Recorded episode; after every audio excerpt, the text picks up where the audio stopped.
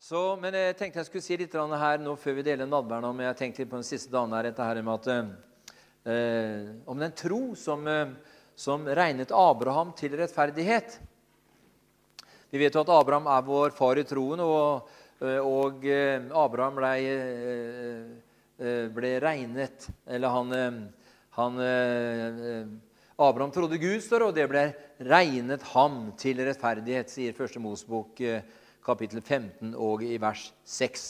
Men vi skal slå opp, slå opp i Romerbrevet 4, og så skal vi ta noen vers der først. Fra, vers, fra Romerbrevet 4, fra 1 til 3, første runde her. Hva skal vi da si at vår far Abraham oppnådde etter kjødet? Dersom Abraham ble rettferdiggjort pga. gjerninger, da har han jo noe å rose seg av, men det har han ikke for Gud. For hva sier Skriften? Abraham trodde Gud, og det ble regnet ham Eh, og det ble regnet ham som rettferdighet. eller som rettferdighet. Det var det som står i 1. Mosebok kapittel 15, 16, 15 og vers 6. At Abraham trodde Gud, og det ble regnet, ham, eller regnet ham til rettferdighet. Eh, hvis vi går videre der i, i Rombrevet 4, der, så kan vi ta fra vers 4 eh, til 8. står her, Den som har gjerninger, får ikke lønnen av nåde, men noe som han har fortjent. Men den derimot som ikke har gjerninger, men tror på ham som rettferdiggjør den ugudelige, han får eh, sin tro tilregnet som rettferdighet. Slik priser også David det mennesket salig som Gud tilregner rettferdighet uten gjerninger. Salig er de som har fått sine overtredelser tilgitt og sine synder skjult. Salig er den mann som Herren ikke tilregner synd, sier David her. Og det er jo klart at det er, et, eh, ja, men det er sånn at Herren ikke tilregner Salig er den mann som Herren ikke tilregner synd. Det er klart at Vi vet jo at syndens lønn er døden, så hvordan kan han da si da at salig er den mann som Herren ikke tilregner synd? Hvis vi ser i Salme 32, så ser vi hva egentlig, hva det, hva egentlig David, eh, David eh, erfarte og opplevde her. Han sier her i, i Salme 32 og fra vers 1 til 6 så sier David her at eh, Han sier her eh, Salig er den som har fått sin overtredelse forlatt og sin synd skjult. Salig er det mennesket som Herren ikke tilregner misgjerning, og som er uten svik i sin ånd. Da jeg tidde, ble mine ben bortært idet jeg stønnet hele dagen. For dag og natt lå din hånd tungt på meg, min livskraft svant som i sommerens tørke. Så kommer det her vers 5. Jeg bekjente da min synd for deg og skjulte ikke min skyld. Jeg sa, jeg vil begynne Eller jeg vil, jeg vil eh, bekjenne eh, mine misgjerninger for Herren, og du tok bort min, og du tok bort min syndeskyld.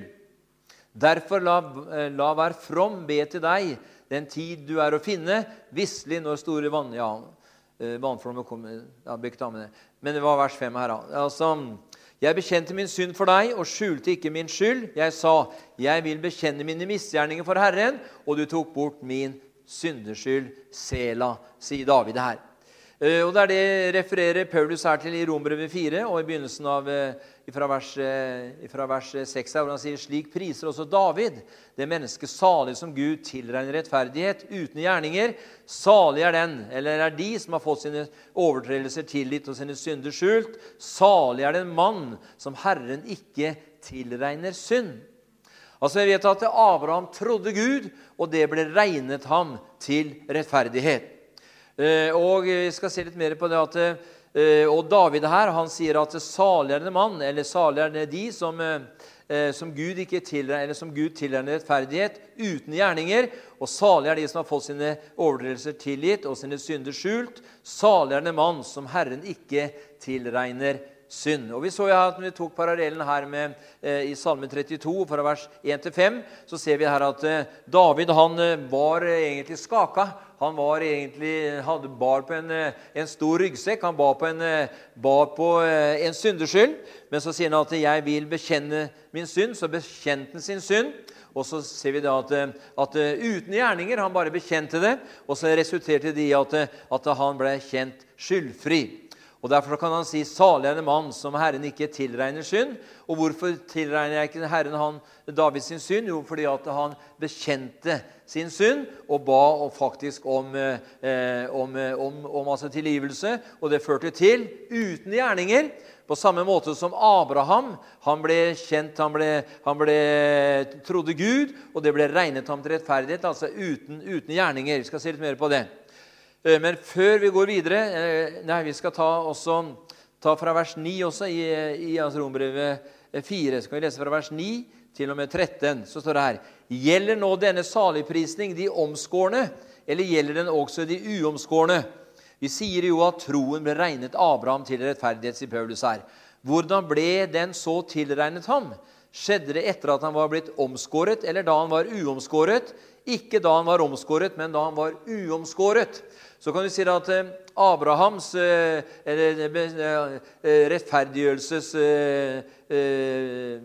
bekreftelse fra Herren den fikk han mens han var uomskåret. Så står det i vers 11 han fikk omskjærelsens tegn til seil på den rettferdighet av tro som han hadde fått da han var uomskåret. Slik skulle han være far til alle de troende som er uomskårne, så rettferdigheten kunne bli tilregnet også dem, altså deg og meg. Og likeså far til de omskårne, altså jødene, som ikke bare har omskjærelsen, men også følger i fotsporene av den tro som vår far Abraham hadde da han var uomskåret. For det var ikke ved loven Abraham eller hans ett fikk det løftet at han skulle være arving til verden, men ved troens rettferdighet. Eh, før vi går videre her, så skal vi gå tilbake og se på, eller gå fram, fram til første Rombrevet 1. Så skal vi se på de versene som, vi, som er veldig lette, som vi refererer veldig ofte, nemlig i Rombrevet 1 og vers 16 og, og 17, står det her. For jeg skammer meg ikke ved evangeliet, for det er en Guds kraft til frelse for hver den som tror, både for jøde først og så for greker. Så står det For i det åpenbares Guds rettferdighet av tro til tro, som det står skrevet en rettferdig skal leve eh, ved skal, Av tro skal leve, eller, eller, ved tro, eller til tro. Det er litt forskjellig der, men den rettferdige av tro skal leve. Så hva betyr egentlig det? eh, Hvis vi deler opp her sånn at vet Abraham, eller Abraham, som han het før han fikk navnet Abraham, han bodde i Ur i Kaldea. Han var en månedyrker. Eh, I den, I den, teologien eller den, eh, den religionen som, eh, som, har, som, er egentlig opphavet til islam også. Den kommer helt, ifra, helt tilbake til den babylonske tidsregninga eller tiden. Og vi ser at Abraham, eller Abraham når han var i Uri Kaldea, så var det Gud som kalte på Abraham og ba han å dra ut fra sitt, sin fars hus og sitt folk til det landet som jeg vil vise deg, sier jo Herren, Herren til Abraham. Og vet du, Abraham han var vel kjent med avgudsdyrkelse. Det var menneskeofringer, og det var alt mulig rart der inne i, eh, i det babylonske systemet. Eh, men eh, så skal vi se at, tenker vi sånn at når at Abraham trodde Gud, og det ble regnet ham til, ham til rettferdighet. Men la oss lese en gang til hva det verset sier egentlig. Vers 17.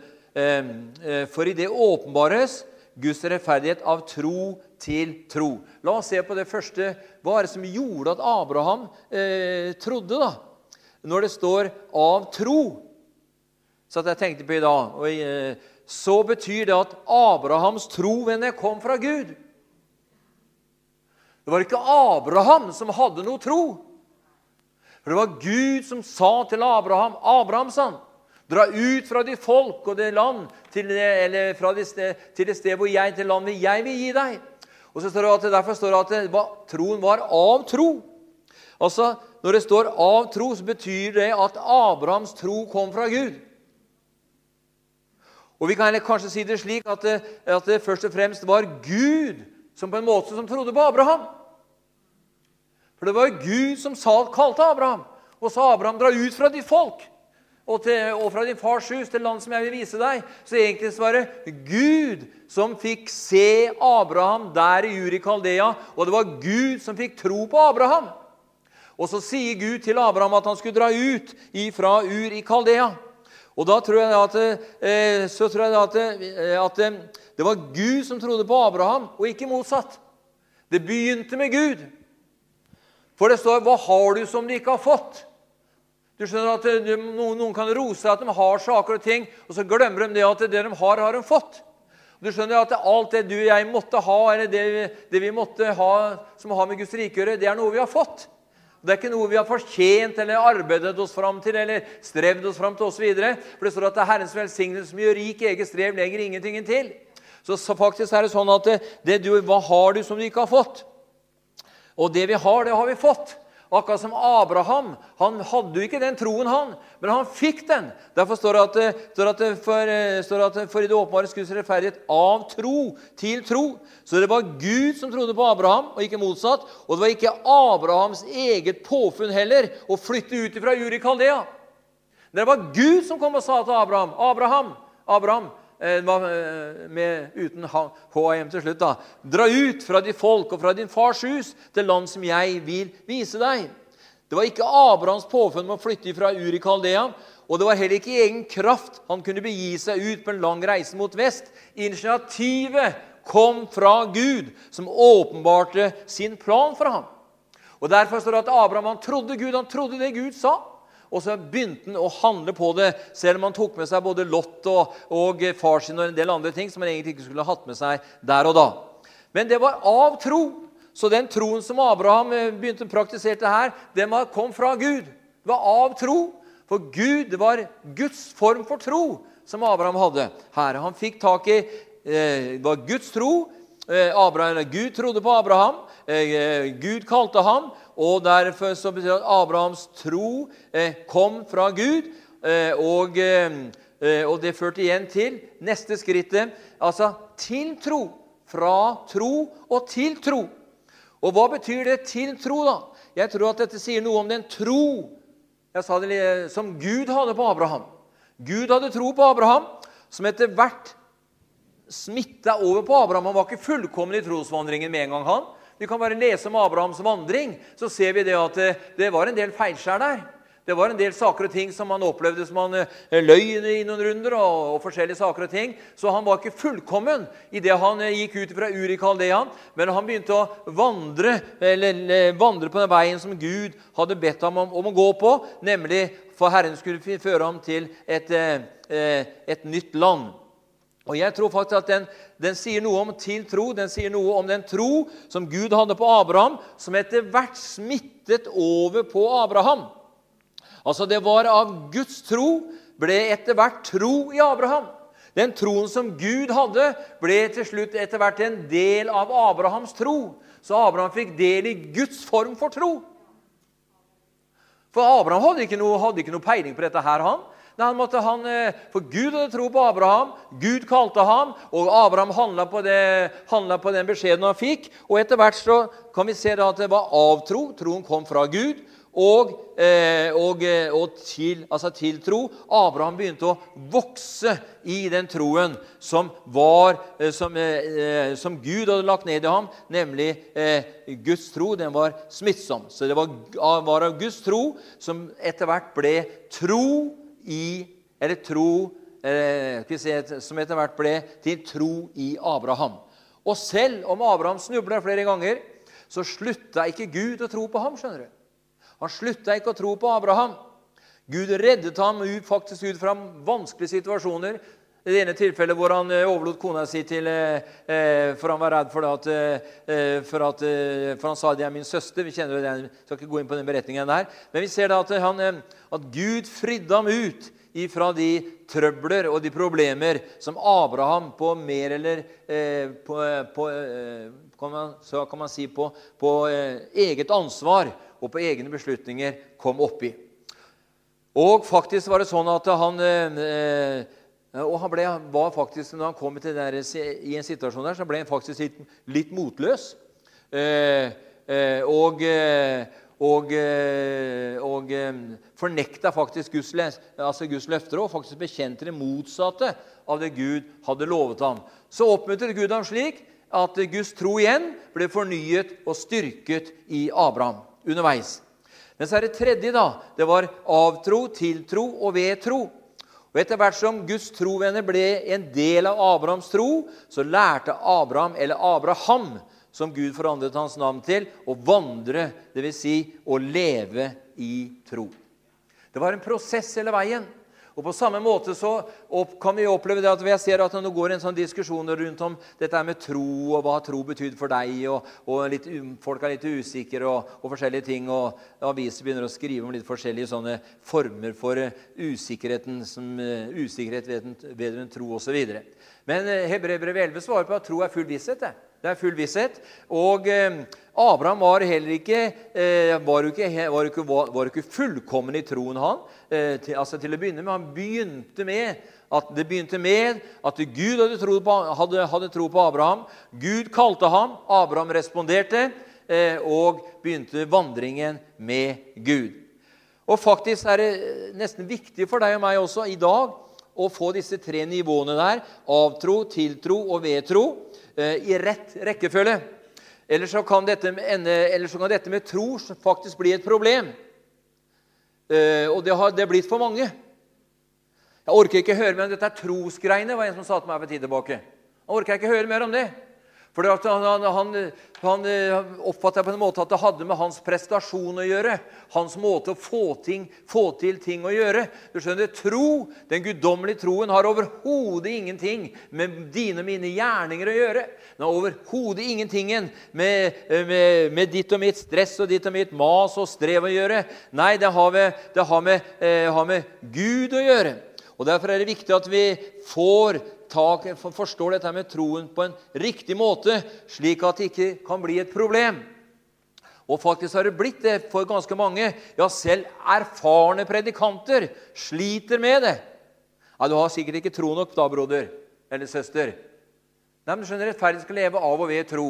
Og, eh, og, det, og det, kommer jo det at Men man må vokse i tro og vokse, vokse i det forholdet som har med eh, Guds tro å gjøre. Eh, så, og da er spørsmålet at eh, hvordan var det når du og jeg kom til å tro på Jesus? Jeg måtte tenke meg, Hvordan var det når jeg kom til å tro på Jesus? Eh, var det noe som kom med, var det en spesiell regle jeg måtte lese opp? Var det en spesiell bekjennelse jeg måtte, måtte uttale? Eller hvordan ble jeg frelst? Så måtte jeg tenke gjennom mitt eget liv. Jo, jeg vet jo at Som guttunge og opp, opp, opp, i tenåra så var jeg med på møter og visste at Jesus var veien, sannheten og livet. Hjemme hos oss så, så var det, og slekta mi så var det tungetaling og, og på, en, altså, på, den ene siden og på den andre siden så var det høykirkelig metodisme. På den, altså på den andre siden. Men egentlig så visste jeg hvem Jesus var, og jeg visste at, uh, visste at uh, og fra Jeg husker nemlig den dagen jeg døde åndelig òg. Eller den kom bort fra Gud. Det husker jeg godt. For uh, jeg var ca. 11 år. Og, og jeg vet jo det at i hele oppveksten da, eller i tenåra oppover, så vet jeg nøyaktig at hvis Jesus kom, så ville jeg ikke bli med. Da ville jeg ikke bli med, for jeg var ikke, jeg var ikke klar til det. Og hele ungdomsåra sånt, så var det sånn at jeg ble med på andre ting osv. Jeg kom i militæret, eh, eh militæret i 1970. Så, så, var det sånn på brakken og sånn vet du, at vi hadde vi var jo, det var jo mange hundre gutter der. sånn, og, og, så var det sånn at Vi snakka ofte om det som hadde med tro og det som hadde med religioner å gjøre osv. Og, og jeg hadde blitt veldig, veldig godt opplært i dette her med Jesu gjenkomst. da, synes jeg selv, da. Så jeg kunne sitte der på brakka jeg vet også, eller rundt liksom, inne, nede, på, nede, på, nede på kantina der, sånn, hvor det var kanskje 70-80 stykker, og så samtale om liksom Jesu gjenkomst. vet du. Og folk sa 'fortell mer, fortell mer'. Det var ufred. Ikke sant? Men Jeg var ikke født på ny, det er jeg da. Men dette her husker jeg jo fra barndommen. da, Masse, masse av disse tingene her. sånn. Og, eh, men så kom den dagen, kom høsten 1974. Eh, September-oktober i 74. Eller var kanskje oktober-november. Da visste jeg at jeg måtte bli frelst. Det var liksom ikke noen som kom og sa, slo til meg og sa nå, må du, nå, må, nå er tid og også bli frelst. Men det var noe i meg så jeg bare kjente at jeg må bøye kne for Jesus. Jeg må bli frelst. Og Jeg husker jeg gikk en tur bort på en, en onsdagskveld eh, bort på gamle Philadelphia eh, eh, når jeg lå borte ved EPA-kvartalet EPA der. Og, eh, og, gikk opp og satte meg der eh, tror jeg nevnte et par ganger før, og satte meg der oppe på, på, på galleriet der. Og musikken gikk, og alt det var ferdig, og så begynte predikanten å preke. Og jeg husker jeg satt sånn og holdt meg sånn i stolen. For det var, akkurat, det var, akkurat, som en magnet som dro meg ned til plattforma. vet du. Og Jeg satt sånn og holdt igjen. Jeg satt vel et, kanskje 12-15 minutter, og så løp jeg ut. Jeg var så kalt av Gud. vet du. Jeg var kalt av Gud. Men det var ikke at det var noen som gikk og sa noe til meg. Det bare kom. For Herren kaller på menneskenes barn fra solens oppgang og til dens nedgang. Så du vet at, det at Ingen kan komme til meg, sier Jesus, uten at Faderen drager ham. Så Den hellige ånd dro på meg. vet du. Og så husker jeg det da at eh, når det kom til jul, da, jula 74 da, hadde, da, var jeg sammen med Laila. da vi var sammen da, Så sier hun, som har snakk om julepresanger, og så sier hun at jeg, hva ønsker du til jul? Jeg kan gå og tenke meg en ny Tenk meg en bibel, sier jeg til jul. Og så får jeg en, en, en, en ordentlig stor bibel, da, en 1930-oversettelse, eh, jula, jula 74. Og så øh, jobber broren min hos meg, da, Rolf, da, og, så, og han òg kjenner det samme. vet du. Må bli frelst. Må bli frelst. Og så øh, bestemmer vi oss en dag. Så sjekker jeg litt rundt hvor skal vi gå på noen møter henne. liksom. Og så husker jeg Vi ringte til en onkel, og så sier jeg til onkelen min at også til en, annen, en, en kamerat av han igjen, som jeg kjente litt, da, sier at vi vil gjerne gå på et møte, men hvor skal vi gå hen? sier jeg. Hvor skal vi gå hen? Ja, sier det er jo så tørt overalt i dag. Sånn, så, det, så, det, er ikke så lett å anbefale et eller annet sted å gå. Men du kan ta deg en tur ut til Betania eh, Skjeberg, stasjonsbyen. sånn. Var der, for, der traff jeg Finn Olav første gangen også. Det var, det var høsten 75. Eh, så det er jo 40, ja, tida går. Det er 44 år siden. så, eh, så, men der skal det være litt liv, for der er de ikke så tørre. Sånn. Han, han, han, var liksom, var, han var ikke negativ da han sa det, og han var jo kanskje det òg, da. Når han sa at det var så tørt overalt. Og så Rolf og jeg vi dro ut av en torsdagskveld etter vi hadde stengt dørene i butikken. og sånt, så dro vi dit ut på kvelden. Var klokka halv åtte. Vi satte oss på bakerste rad der. Eh, Rolf hadde langt hår. Jeg har aldri hatt langt hår, men jeg hadde i hvert fall kort hår. Og så satt vi der og eh, og det Han prekte der, og jeg tror det var Olof Johansen som prekte. Og eh, Kai, An Kai, Andersen han leda juniormusikken. De hadde juniormusikk. Veldig flott musikk. skjønner du. Og, så sang den sangen at Se, han kommer, han som alle tidens floke løser kan. Se, han kommer, han setter deg i brann osv. Fikentreet står i blommer, den sangen der, da. Og så, helt på slutten av møtet, eh, så var egentlig møtet slutt. De takka for seg, men så, så eh, sier Kai da at jeg har 'Jeg har en hilsen her', sier han. Og Så går Kai opp på, opp på plattforma, så tar han mikrofonen og så sier han ordrett det jeg sier nå. Du unge mann som har kommet inn her i kveld. Det er ikke av deg kveld å kommet hit, hit. Det er ikke av deg selv å kommet hit, men det er min ånd som har dratt deg hit i kveld. Og dersom du er villig og lydig og tar imot mitt navn til frelse, så skal jeg Herren storlig velsigne deg. Ja, på samme måte som jeg velsignet med tjener Abraham i fordums tid. Og alt hva du gjør, skal du lykke til, så frem til ditt hjerte forblir hos meg. Amen. Og vet du at Det bare smalt i magen på meg. vet du. Og Det var en torsdagskveld 16.1. i 75. Så kom vi da, Men på veien, på, altså på veien ut, da når vi skulle kjøre hjem, så var en, skjedde ikke noe mer da. Så var det en eldre kar som dunka på, bil, på bildøra. Jeg satt på med Rolf, ja, da, og så sveiva han ned. Så sa han 'Gutter!' sa han. Ja, ordentlig skjebring. vet du. Gutter, hvis dere får det sånn, så kan dere bare komme hit og besøke Asbjørn og meg, for her er det bønnemøter hver kveld. Uansett sånn, så er det bønnemøter hver kveld. Du må bare komme. Eh, så tenkte du ikke mer Jo, vi eh, snakker, ja, så tenkte vi, var jo, Og han var jo veldig, veldig, sånn, eh, veldig pågående, da. Sånn positivt pågående, da. Så, så kom søndagen, da. Søndagen den, søndagen 20. januar i 75. Da dro Rolf på møte, men jeg, jeg dro ikke på møte, for jeg skulle treffe Laila den, den søndagen. Da, så det ble ikke noe møte på meg den søndagen. Men på mandag, mandag 20. januar i 75, etter at vi hadde stengt dørene på butikken på kvelden da, så dro Rolf og jeg ved halv åtte-tida ut til det huset ved huset. Vi kalte det Huset ved huset, for den bodde rett ved, rett ved menighet, menighetslokalet der. Så uh, var vi der inne, og jeg kom inn der. Og han ønska oss velkommen osv. Så, videre, så gikk det ikke med en 10-12 minutter. vel, Så bøyde vi ikke ned og ble frelst og født på ny. Det var ingen som sa noen ting. Måtte ikke lese spesielle regler eller si 'etter meg' osv. Jeg bare visste at han måtte bli frelst. Bare bøyde kne og sa Jesus. Og så kom Guds ånd. vet du. Så kom Guds salvelse. Og jeg tror vi lå på kne der en, eh, kanskje borti en time og vi bare gråt og takka Jesus. Var så glad, vet du. For det var noe som slapp. Som David sa, byrden, den slapp. Jeg ble fri. Halleluja. Sånn ble jeg frelst. Og eh, så gikk det Og så var det så etterpå så var det bønnemøte hver kveld et helt år, da. ja da. Men det, det, det, var herlig tid. Amen. Så jeg sier at eh, Hvordan var det når du og jeg kom til tro? Så var det ikke, var det ikke så at jeg måtte si riktig, riktige ting på rett måte, eller Var det sånn med deg. Kanskje ikke. Sannheten, venner, eller virkeligheten, var vel at vi bøyde kne og sa 'Jesus'. Det står hver gang den som påkaller Herrens navn, skal bli frelst. Når vi hører mange av frelsesbønnene som blir lest på, lest på, TV og på svære tilstelninger, de er så lange, vet du, og det, er, og det henger vi nesten ikke sammen mye av det. vet du. Ikke sant? Det er bare for å, liksom, gjøre det ekstra vanskelig for folk. Men det står bare 'Si Jesus', så blir du frelst.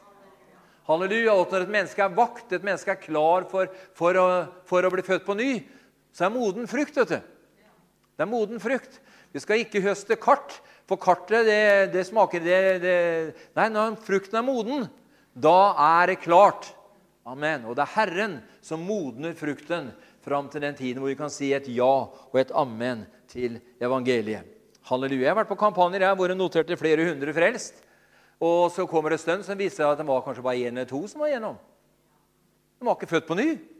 De ble ikke født. Der er, kan du godt skrive på, eh, skrive på, skrive på nyhetsbrev da 350 tok imot Jesus til frelse, eller 2000 ble født på, altså tok imot Jesus. Det er ikke sant, som regel. Vi må være ærlige. Nei, uten å bli født av ånd og vann så kan ingen komme. Vi må bli født ovenifra. Vi må bli født på ny. Uten å bli født på ny så kan vi ingenlunde komme inn i Guds rike. Halleluja. Og Derfor sier jo Efesbrevet det, Efesbrevet 2. Paulus sier det i Efesbrevet 2, så sier han det så sier han eh, ifra Efesbrevet 2 her, eh, og fra vers 8 til 9, så sier han, eh, så sier han her at For av nåde er dere frelst ved tro. Og dette er ikke av dere selv, det er Guds gave. Altså, det Frelsen er en gave. skjønner du. Det er en gave. Det er ikke av gjerninger, for at ikke noen skal kunne rose seg.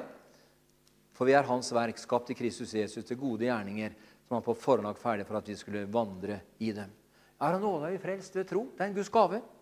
En, og, eh, så av nåde frelst Det har faktisk ingenting med deg og meg å gjøre. Det er en Guds gave, leste vi her. Og venner, og det er når vi stoler på at Gud elsker oss på tross av våre skrøpeligheter, på tross av våre svakheter, som vil føre til at troen bare vokser og vokser av seg selv i deg og meg. Da vil troen vår vokse. Men det er så mange som sliter med, det sliter med dette her, at eh, mange troende også sliter med at å, jeg tråkka feil her på tirsdag liksom, eller på fredag. tråkka jeg feil. Og så kommer fordømmelsen. Og når fordømmelsen kommer inn, så er det den med å hindre trosutviklingen i livet ditt. Og Derfor er det så viktig å forstå da, at, at, det er, at, det er, når vi stoler Og så tenker ja, Gud elsker ikke meg lenger nå, for jeg, jeg tråkka jo over her om dagen. Men Gud elsker deg like høyt. da. Han elsker deg like høyt. Så det er når vi stoler på at Gud venner, elsker oss på tross av våre svakheter eller skrøpeligheter eller overtredelser, så vil det føre til at troen vokser av seg selv. Den bare vil vokse av seg selv. Halleluja. Og hvordan vokser den? Jo, han vokser ved vandringen, ved eh, livet, ved, ved, at du og jeg holder oss nær til Herren. Så vil han holde seg nær til, så vil han holde seg nær til oss. Og så erfarer vi at eh, at uh, han som begynte, han har til hensikt å fullføre. Når det står, vi leste her at når det står at det ikke var ved loven Abraham og hans ett fikk løfte om at han skulle bli arving til verden, men ved den rettferdighet en får ved tro, så eh, Dette løftet skjønner du, det har du og jeg arvet fra Abraham. Men det inneholder enda mer enn bare å bli godtatt av Gud som hans barn. Som Guds barn er vi også arvinger og vår arv, venner, er ikke noe mindre enn hele verden.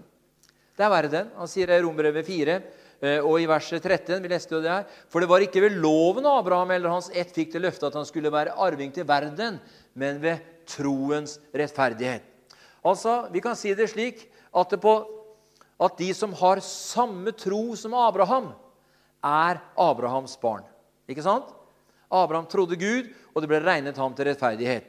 Hvis vi går videre her i Rombrevet 4 og så, eh, og fra, eh, Nå leste vi vers 13, så tar vi vers 14. For dersom de som holder seg til loven, er arvinger, da er troen blitt unyttig og løftet satt ut av kraft. For loven virker vrede, men der det ikke er noen lov, der er det heller ikke noe lovbrudd. Derfor fikk han løfte, øh, øh, løfte ved tro, vers 16. Derfor fikk han løftet ved tro, for at det kunne være av nåde, slik at løftet kunne stå fast for hele ætten. Ikke bare for dem som har loven, men også for dem som har Abrahams tro. Han er jo far til oss alle. Slik det står skrevet, til far for mange folkeslag har jeg satt deg. Han er vår far i Guds øyne, den Gud som han trodde på, han som gjør de døde levende og kaller på det som ikke er til, som om det var til, og det blir til.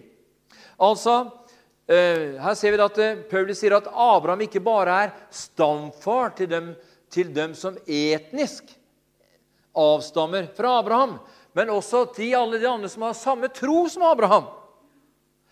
Så det er ikke sånn at det gjelder bare at det, at det er at, at etnisitet At det er bare jødene, skjønner du. Men det er også, men også de som har samme tro som Abraham. Abrahams velsignelse var jo at de skulle få ånden som det var gitt løfte om, sier Paulus i Galaterbrevet 3 og i vers 13 eh, og 14. Det var det som var liksom hele, hele, altså hele oppskriften. At, eh, at uh, Galaterbrevet 3 og vers 13 og 14 står det her Kristus kjøpte oss fri fra lovens forbannelse ved at han ble en forbannelse for oss, for det står skrevet forbannelse av den som henger på et tre. Dette skjedde for at Abrahams velsignelse skulle komme til hedningen i Kristus Jesus, for at vi ved troen skulle få ånden som det var gitt løfte om sier, eh, sier Paulus her. Så eh, Abrahams tro er jo å tro på den Gud som tilregner oss rettferdighet uavhengig av våre gjerninger. Uavhengig av våre gjerninger. Og det står at eh, Abrahams tro, det var han som eh, Han trodde på han som gjør de døde levende, og kaller på det som ikke er til, som om det var til. Hvordan kunne Abraham si det? Abraham trodde Gud ble regnet ham til rettferdighet. Så går vi litt lenger fram, så ser vi da at eh, Abraham han trodde på Han som gjør de døde levende, eh, og taler om det som ikke er til, som om det var til. Altså Abraham var 75 år, eh, og Sara var, var, var 65. Da fikk Abraham løfte fra Gud at i ham skulle hele jordens, alle, alle, jordens slekter velsignes. Og han fikk da et løfte om at han skulle bli far til mange folk. Da var Abraham 75 år. Og vi vet at, eh, vi vet at eh, altså tiden gikk, og så kjenner vi historien der at, eh, at Abrahams sønnsliv det døde ut, Saras mors liv var dødt.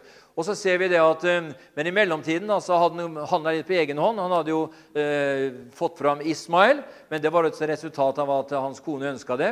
Eh, han, eh, så selv om Abraham trodde Gud, og det ble regnet ham til rettferdighet Men vi ser også der at eh, her var det sånn at eh, i den perioden her så var det det at eh, for at Han sa jo til Gud du, at jeg, er, 'Jeg har ingen arving, sa han, vet du, ingen sønn som kan arve meg.' Så det blir jo da Elieser som skal arve meg, liksom. Uh, uh, syreren Elieser. Men vi ser det her at, vi ser det her at Ismael kom, men så kom da når Abraham var 99, var det vel. og eller var i ferd med å gå i var sitt 99, Abraham og Sara var i sitt 90. Så kom Gud igjen og sa at, at innen år var omme, så skulle hun føde en sønn. Og vi ser det gikk oppfyllelse. Eh, Sara ble gravid, og for Herren forrynga henne. Han måtte jo ha gjort det. Hun hadde et dødsmorsliv. Eh, og Abrahams eh, eh, kraft den var borte. Så Herren var nede og rørte ved disse to kroppene. Både kroppen til Abraham og kroppen til Sara rørte Herren ved. Så den ble forrynga. Den ble forrynga. Og Det var derfor disse kongene også ville gjerne ha altså Sara, for hun var fager å se til. Hun var ikke gammel, skrukkete kjerring, men hun hadde blitt fager å se til. Så det var derfor de ville ha henne. Og så ser vi det at så, ser vi det at, så, vi da at, så kom Isak, løftesønnen. Løftesønnen kom. Og så ser vi da at Når løftesønnen blir noen år, kommer og begynner å nærme seg eh, altså tenåra, så kommer Herren og sier til Abraham, 'Abraham, ta din eneste sønn Isak og ofre ham som et brennoffer for meg.' Og Der hadde vi liksom gått i 25 år og venta på løftet. da, eh, På løftesønnen fra han var 75 til han var 100. Og så ser vi da at når eh, Isak ble Hvor mange år var han? 80-10? åtte-ti år, så ser vi det at eh, Herren kommer til Abraham og ber ham om å ta med seg sønnen sin og dra til Moria berg og ofre ham som et brennoffer for Herren. Og Det står at det var ganske langt borte, for det var tre dagsreiser. Men jeg tror ikke at, den, at det gikk så fort, da. For han visste jo hva han Men han, eh, men han handla i lydighet. Da hadde Abrahams tro vokst vet du, hele veien. Så Abraham han, eh, så han trodde Gud, og derfor så ser vi for å gjøre den beretningen der veldig kort, da, så ser vi da han kom jo til, eh, kom jo til den plassen. Og til og med Isak sier pappa at eh, her er veden og her er ilden også, men hvor er offeret hen? liksom? Så sier, svarer jo Abraham at gutten min sier dette skal, Herren skal ta ut et offer for oss her. Men til slutt så skjønner han at når bålet blir lagt ned, eller eh, kvistene eller brennmaterialet blir lagt der. Også når han tar gutten sin og, legger, og binder den og legger den oppe på offeralteret. Da forstår du også Isak. Men jeg kan tenke deg ikke den, hvis du prøver å tenke litt sånn menneskelig da, hvordan Abraham hadde det i sitt hode der og da. Bare prøv å tenke. Her har han gått liksom i 25 år, så kanskje gutten var 8-10. kanskje 30-35 år, Og så ser du at det, og så ber Gud meg å ofre min eneste sønn. liksom. Han som jeg har fått løfte om. Og Jeg syns jeg ser for meg Abraham når han, uh, han står der vet du, og så har han gjort, har han gjort ferdig hele alteret der vet du, og lagt veden der. og Så tar han guttungen sin og så legger den oppe her. og Guttungen titter på faren sin og skjønner kanskje ikke så mye av dette her. Mye av dette her. Og Abraham jo, kom jo fra et sted, han kom jo fra Uri Kaldea, hvor, hvor, ikke var, hvor ikke var ukjent med menneskeofring. Så ser du at, eh, så ser du at Abraham trekker kniven. Og i det øyeblikket han løfter kniven, så roper Herrens engel. Abraham. Ikke sant? Legg kniven bort. Og så var det et, eh, en vær som hadde satt seg fast i et, eh, i et skjerv der. sånn. Så offeret lå der klart. Herren hadde offeret klart.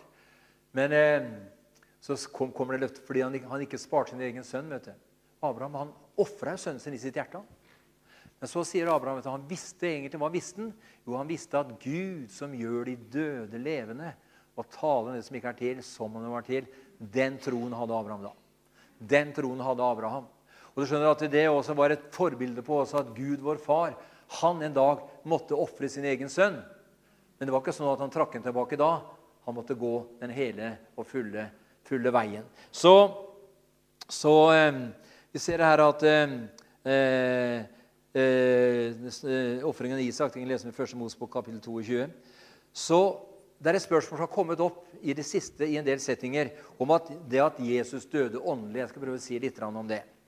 Kanskje det er litt misforstått ord fra en del mennesker som tenker feil og døde Jesus åndelig, som også begynner å masse surre tanker og så videre gå i huet. Men jeg skal prøve å forklare det veldig enkelt. Altså, eh, Det er et spørsmål eh, i forbindelse med setningen om at Jesus døde åndelig som det er en del som stusser over. Det er jo sånn I Guds rike opp gjennom historien så er det saker og ting som, uh, ha, som man kan uh, lage litt sånn spørsmål og litt sånne caser ut av. Men uh, saken er den at når Jesus ble gjort til synd på korset, så ble det et mørke fra den sjette til den niende time. Det ble et bek mørkt fra den sjette til den niende time. Og det beskriver jo egentlig i Matteus 27 Eh, og eh, Matteus 27 eh, og vers 44 til 45 beskriver det her. skal vi se.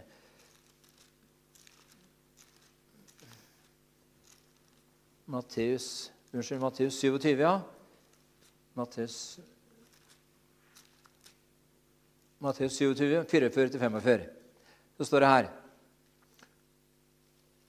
og røverne som var korsfestet sammen med ham, hånte ham på samme måte.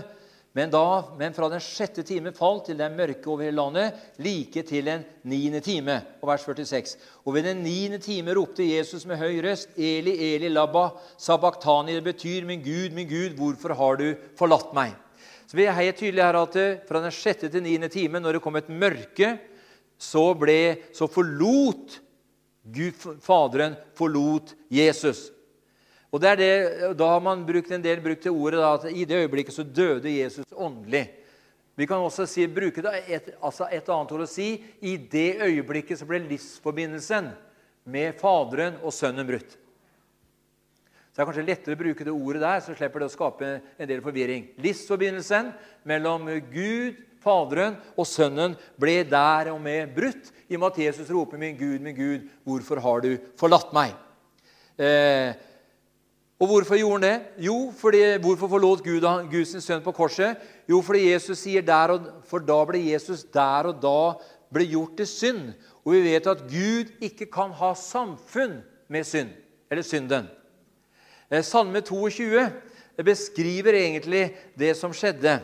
Eh, litt der sånn. I Salme 22 så, så ser vi her at eh, i Salme 22 så eh, Det var i går var dagen, så står det her at eh, så står det Salme 22, så det begynner, med, det begynner med her. Min Gud, min Gud, hvorfor har du forlatt meg?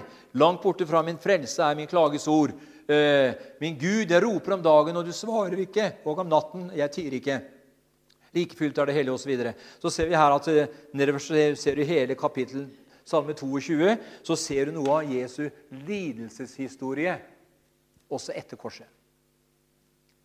For, at, eh, for han var jo tre dager og tre netter i jordens indre, på samme måte som, som Jonah var tre dager og tre netter i storfiskens buk, så var Jesus tre dager og tre netter i jordens indre.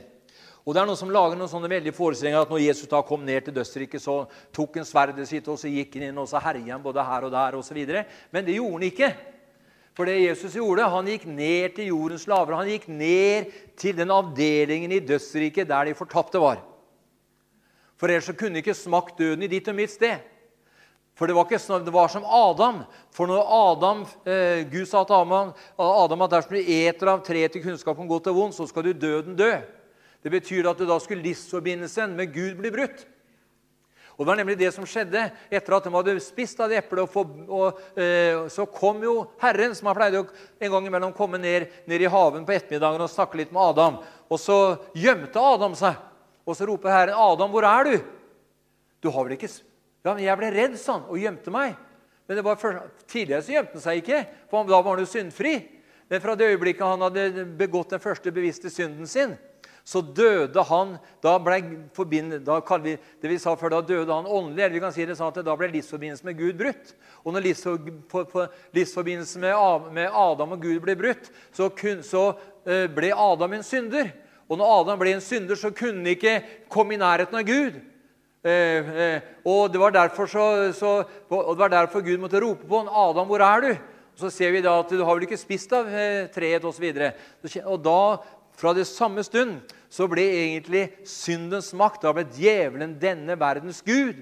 Og da ble hele denne jorda gjennomsyret av Satan. Og da ble, hans, da ble, da ble da, da fikk altså gjennomsyra eh, djevelen denne, denne, jorda på slik måte at eh, den berørte hele menneskeheten. Og ikke bare hele menneskeheten, men hele skapningen òg. Eh, eh, og delvis skapelsen også på denne jorda. Men så kom Jesus. da. Det står om at eh, På Rombrevet 5, 17 snakker om at på samme måte som Adams synd slik gjennomtrengte hele jorden, på samme, hvor meget mer skal ikke da de som mottar nådens rettferdighetsgaven i Jesus Kristus, leve og herske med ham? Så du skjønner at gjenopp, gjenopprettelsen eh, kom eh, for hele kloden den kommer ved, ved Jesu død og oppstandelse. Men, eh, men, når det gjaldt dette her med at eh, livsforbindelsen med Gud ble brutt fordi at eh, Jesus ble der og da gjort til synd. For Det står i Rombrevet, nei, 2. Korinter 5,21 at han som ikke visste av synd, han ble gjort til synd for deg og meg, for at du og jeg ved troen på ham skulle få del i Guds rettferdighet. Halleluja. Så han smakte døden i ditt og mitt sted. Så, som når det ble sagt at Jesus døde åndelig, så betyr det at livsforbindelsen med Gud ble brutt. Halleluja. For du skjønner at det der ja, men det var jo forferdelig, sier noen. at ja, men Det blir religioner. skjønner du. Det blir religiøsitet. Ja, men Jesus, da? Jesus, da? Ja, men han døde jo! Han smakte jo døden i ditt og mitt sted. Han for ned til jorden, han, til, til dødsrikets lavere del. Og han var der i tre dager og tre netter etter Skriftene. Men så kom Faderen, ikke sant? Og fødte ham på ny. Halleluja. Så kan vi gå inn på alt det skal ikke gjøre nå, men alt det som skjedde da, hvor han talte for de eh, åndene som var, ulydige på Noah sin tid osv. Men bare for å gjøre det helt klart dette her med at vi ikke bør bruke noe tid og noen krefter på å studere om Jesus døde åndelig eller ei, og lage noen, lage noen case ut av det, så kan vi heller like å si det sånn at eh, livsforbindelsen med, med Jesus og Faderen ble brutt der fra den sjette time på korset.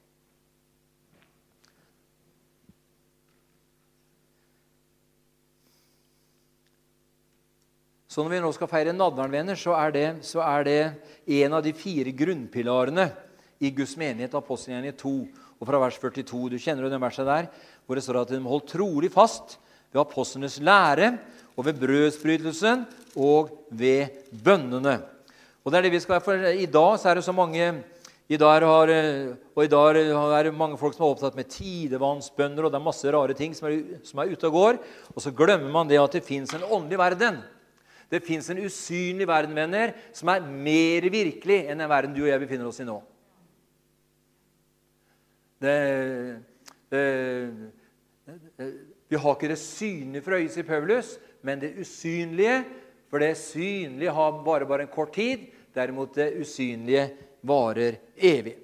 Så eh, I Apostelgjerningen 2 og fra vers 42 så står det at eh, de holdt urokkelig fast ved apostelens lære og ved samfunnet, ved brødsbrytelsen og ved bønnene. Og det kom frykt over hver sjel, og mange under og tegn ble gjort ved apostlenes hender. Eller ble gjort ved ble gjort ved apostlene. Alle de troende holdt sammen og hadde alt felles. De begynte å selge eiendeler og gods og delte ut til alle ettersom enhver trengte det. Hver dag kom de trofaste og med ett sinn sammen i tempelet, og i hjemmene brød til brødet og holdt måltid med fryd og hjertets enfold. De lovet Gud og var velsett av hele folket, og Herren la hver dag dem som lot seg frelse, til menigheten. Altså vi ser her at eh, Nadveren det var en av brødsbrytelsen, det var en av de fire grunnpilarene eh, i, i den kristne menigheten. Og så brøt hun brødet hjemme òg, vet du. Den brøt det hjemme. Eh, det er ikke sånn at det måtte komme en som var ordinert. Det har blitt sånn populært. vet Du Du må være ordinert for å kunne dele nattverden. Hvilken bibelskole har du, da? Hvilket teologisk fakultet har du gått på? Og Hvis ikke du liksom det samsvarer med den tankebyggingen eh, de har, så er ikke du verdig til å dele nadværen. Så langt har det gått i mange settinger i dag. Livsfarlig. Det er avukustyrkelse. Det er fra helvete. Så enkelt er det. Men det står at den brøt brødet hjemme. Den brøt det hjemme. Du skjønner, Er du frelst og født på ny, så kan du dele brødet der hvor du måtte, måtte befinne deg. For Nattverdsmåltid venner, det er, jo, det er jo et måltid hvor vi bekrefter Herrens død og oppstandelse inntil Han kommer igjen. Eller inntil Han kommer. Halleluja. Så du vet at eh, så, Og det er ikke noe sakrament. Det er ikke et nådemiddel heller at, eh, at eh, du kom til nadveren, så får du synstillatelsen. Synstilgivelse. Noen, noen forkynner det. Du får synstilgivelse i nadveren. Nei, vi tar nadveren for at vi har fått synstilgivelse. Ikke sant? Vi kommer ikke til nadveren for å få synstilgivelse. Vi kommer til nadveren for at vi har fått synstilgivelse. Og her er det så mye, eh, så mange ting ute, ute, ute og går på, på den kristne arenaen. Så derfor er det veldig viktig at vi holder oss nær til Herren, og så vil Han holde seg nær til oss. Og så tar vi så, så er det altså en nadværsmåltid hvor vi minnes Herrens død og oppstandelse inntil Han kommer igjen. Så er det noen som mener at det må være Det er til og med dem som mener at, det, at, du, har, at du har to hjerter òg, vet du. Jeg skal ikke komme inn på alt det der. Men det som er, men det som er viktig å forstå, er at det står at i den natt da Herren Jesus Kristus ble forrådt, så tok han et brød takket brødet og sa, 'Dette er mitt legeme, som gis for dere', står det. Og så tok han et brød, takket brødet og sa, som jeg sa, 'Dette er mitt legeme, som gis for dere'. Og du vet at Nadværsmåltid, venner, det er, det er, det er dårskap i, manges, i, i, i, mange menneskers øyne. vet du. Her skal vi spise av det brødet og drikke av den kalken. Skal vi minne Herrens død inntil Han kommer. Jeg så noen som skrev om at skrev det at det var en sånn blogg nå, hvor det sto at eh, i forbindelse med at det var 33 menigheter som ikke hadde fått eh, godkjent statsstøtta si for i fjor, da, eller for i år. For de hadde overtrådt tidsfristene. Eh, og da var det var, enten var det Dagbladet eller en av dem der som Og da skal jeg si at de hev seg på og, og, og kom med kommentarer. vet du. Og ufrelse kom med kommentarer. Det er bare at skal vi, mine skattepenger skal det gå til å liksom dekke liksom, eh, eh, disse her tullete trosbevegelsene som han få ordne med guden sin sjøl. Og det var masse sånne, masse sånne svada som kom opp da. Eh, så vet at i, eh, i en ufrelst øyne altså det er umulig for et ufrelst menneske å forstå det som hører Guds rike til. Du må bli, du må bli født på ny for å, det, for å forstå det som hører Guds rike til. Og Nadværsmåltidene er en voldsom proklamasjon, egentlig. altså. Det er så kraftig, og det er så, så enormt at det, med det så forkynner vi Herrens død inntil Han kommer igjen. Paulus sier i Rombrevet, nei, 1. Korinter 11,23 at i den natt da Herren Jesus Kristus ble forrådt, så tok han et brød, takket brødet og sa, 'Dette er mitt legeme som gis for dere'. Likeså efter måltid så tok han kalken og sa, 'Denne kalk er den nye pakten i mitt blod.' Så ofte som vi eter av brødet og drikker av kalken, så forkynner vi Herrens død inntil han kommer. Hvem forkynner vi for? Jo, vi forkynner for oss sjøl, selv, selvfølgelig, eller for oss som er til stede. Men samtidig så forkynner vi for hele makten og myndighetene. Jesus kommer igjen. Halleluja. Og som hørtes som Finn Olav nevnte her, med at eh, de skal ha forby ungdommene å gå på kristne møter og Kina osv. Den kraften der Tøylene begynner å strammes over hele. Over hele. Jesus kommer snart igjen, venner. Eh, ja, snart har de sagt lenge, sa, sa bestefaren min. Helt siden jeg var guttunge, så, sa han at Jesus kom snart. Så det der hadde ordet 'snart', det, det likte han ikke så veldig. Da Da var han noen år, mange 80 år. Men helt siden jeg var guttunge, sa han ja, men det sa han var guttunge, sa han, at Jesus kom snart igjen. Så han lurte på når det snart var. da. Men så ser vi jo det i ettertid at ordet oversettelse kan jo oversettes med 'når jeg kommer, så kommer jeg brått'. Se, jeg kommer brått. Plutselig. Så akkurat som var på pinsefestens dag. Suddenly, plutselig, så falt ånden. Og Sånn blir det når Jesus kommer nå. Det skjer i et nu, i et øyeblikk. Ved den siste basun osv. Så, halleluja. Så Nattverdsmåltidet er proklamasjonsmåltid som du jeg som er født på ny, kan ta del i. For vi er, vi er, vi er så avhengig av Herren. Vi får ikke til noen ting i egen kraft. Gjør vi det? Nei. Vi kan snekre litt og gjøre noe sånt småtteri, men det som, har, det som har med åndelige ting å gjøre, klarer vi ikke Vi klarer ingenting uten ham. Uten meg, sier Jesus, kan dere ingenting gjøre. Så det at eh, Jesu legeme det blei ble knust. Han ble såret for dine og mine overtredelser. Straffen ble lagt på ham for at han skulle få fred. Og ved hans sår har du og jeg fått legedom. Han smakte døden i ditt og mitt sted. Han ble atskilt fra Gud. Han ble gjort til synd for deg og meg. For at du og jeg ved troen på ham skulle slippe å bli atskilt fra Gud. Halleluja. Far, jeg takker deg og priser deg og ærer deg. Takker deg for at ditt navn er hellig, far. Priser deg for at du har utvalgt hver en av oss i Kristus Jesus fra før verdens grunn var belagt, for at vi hver for oss sammen skulle leve til pris og ære for din herlighet. Takk, Jesus, for hver en som er her i kveld. Takk for din nåde, din godhet og din barmhjertighet. Og takk at du kom til oss med liv og liv i overflod. Takk for legedom og helse, og takk for kraft og styrke inn i kropper som behøver det. Herre, jeg bare gir deg ære på forhånd for det. I Jesu Kristi navn. Amen. Kanskje du tar den? Leila. Og så kommer lovsangerne her. Det ble litt, litt, litt, litt lenge før, før nadveren, men vi Men halleluja. Så bare kom vi på her, dere. Så tar vi brød som vi pleier, og så tar vi et krus der, og så, så skal vi minnes Jesu død inntil han kommer igjen. Han kommer igjen, vet du. Altså, Tenk om Jesus ikke skulle komme igjen. Da var vi det ynkverdigste, sier Paulus. Ja, ikke sant? Men halleluja, vi vet han kommer igjen, venner. Snart så brister skyen, så reiser vi. Da skal vi hjem til de evige boliger som vår far har gjort i stand for oss. Amen. Halleluja. Og så skal vi for alltid være sånn som Herren står her. For alltid. Det er enormt. Vi kan ikke fatte det, kan ikke begripe det, kan ikke forstå det, men vi kan tro det. Halleluja. Takk, Jesus. Halleluja. Amen.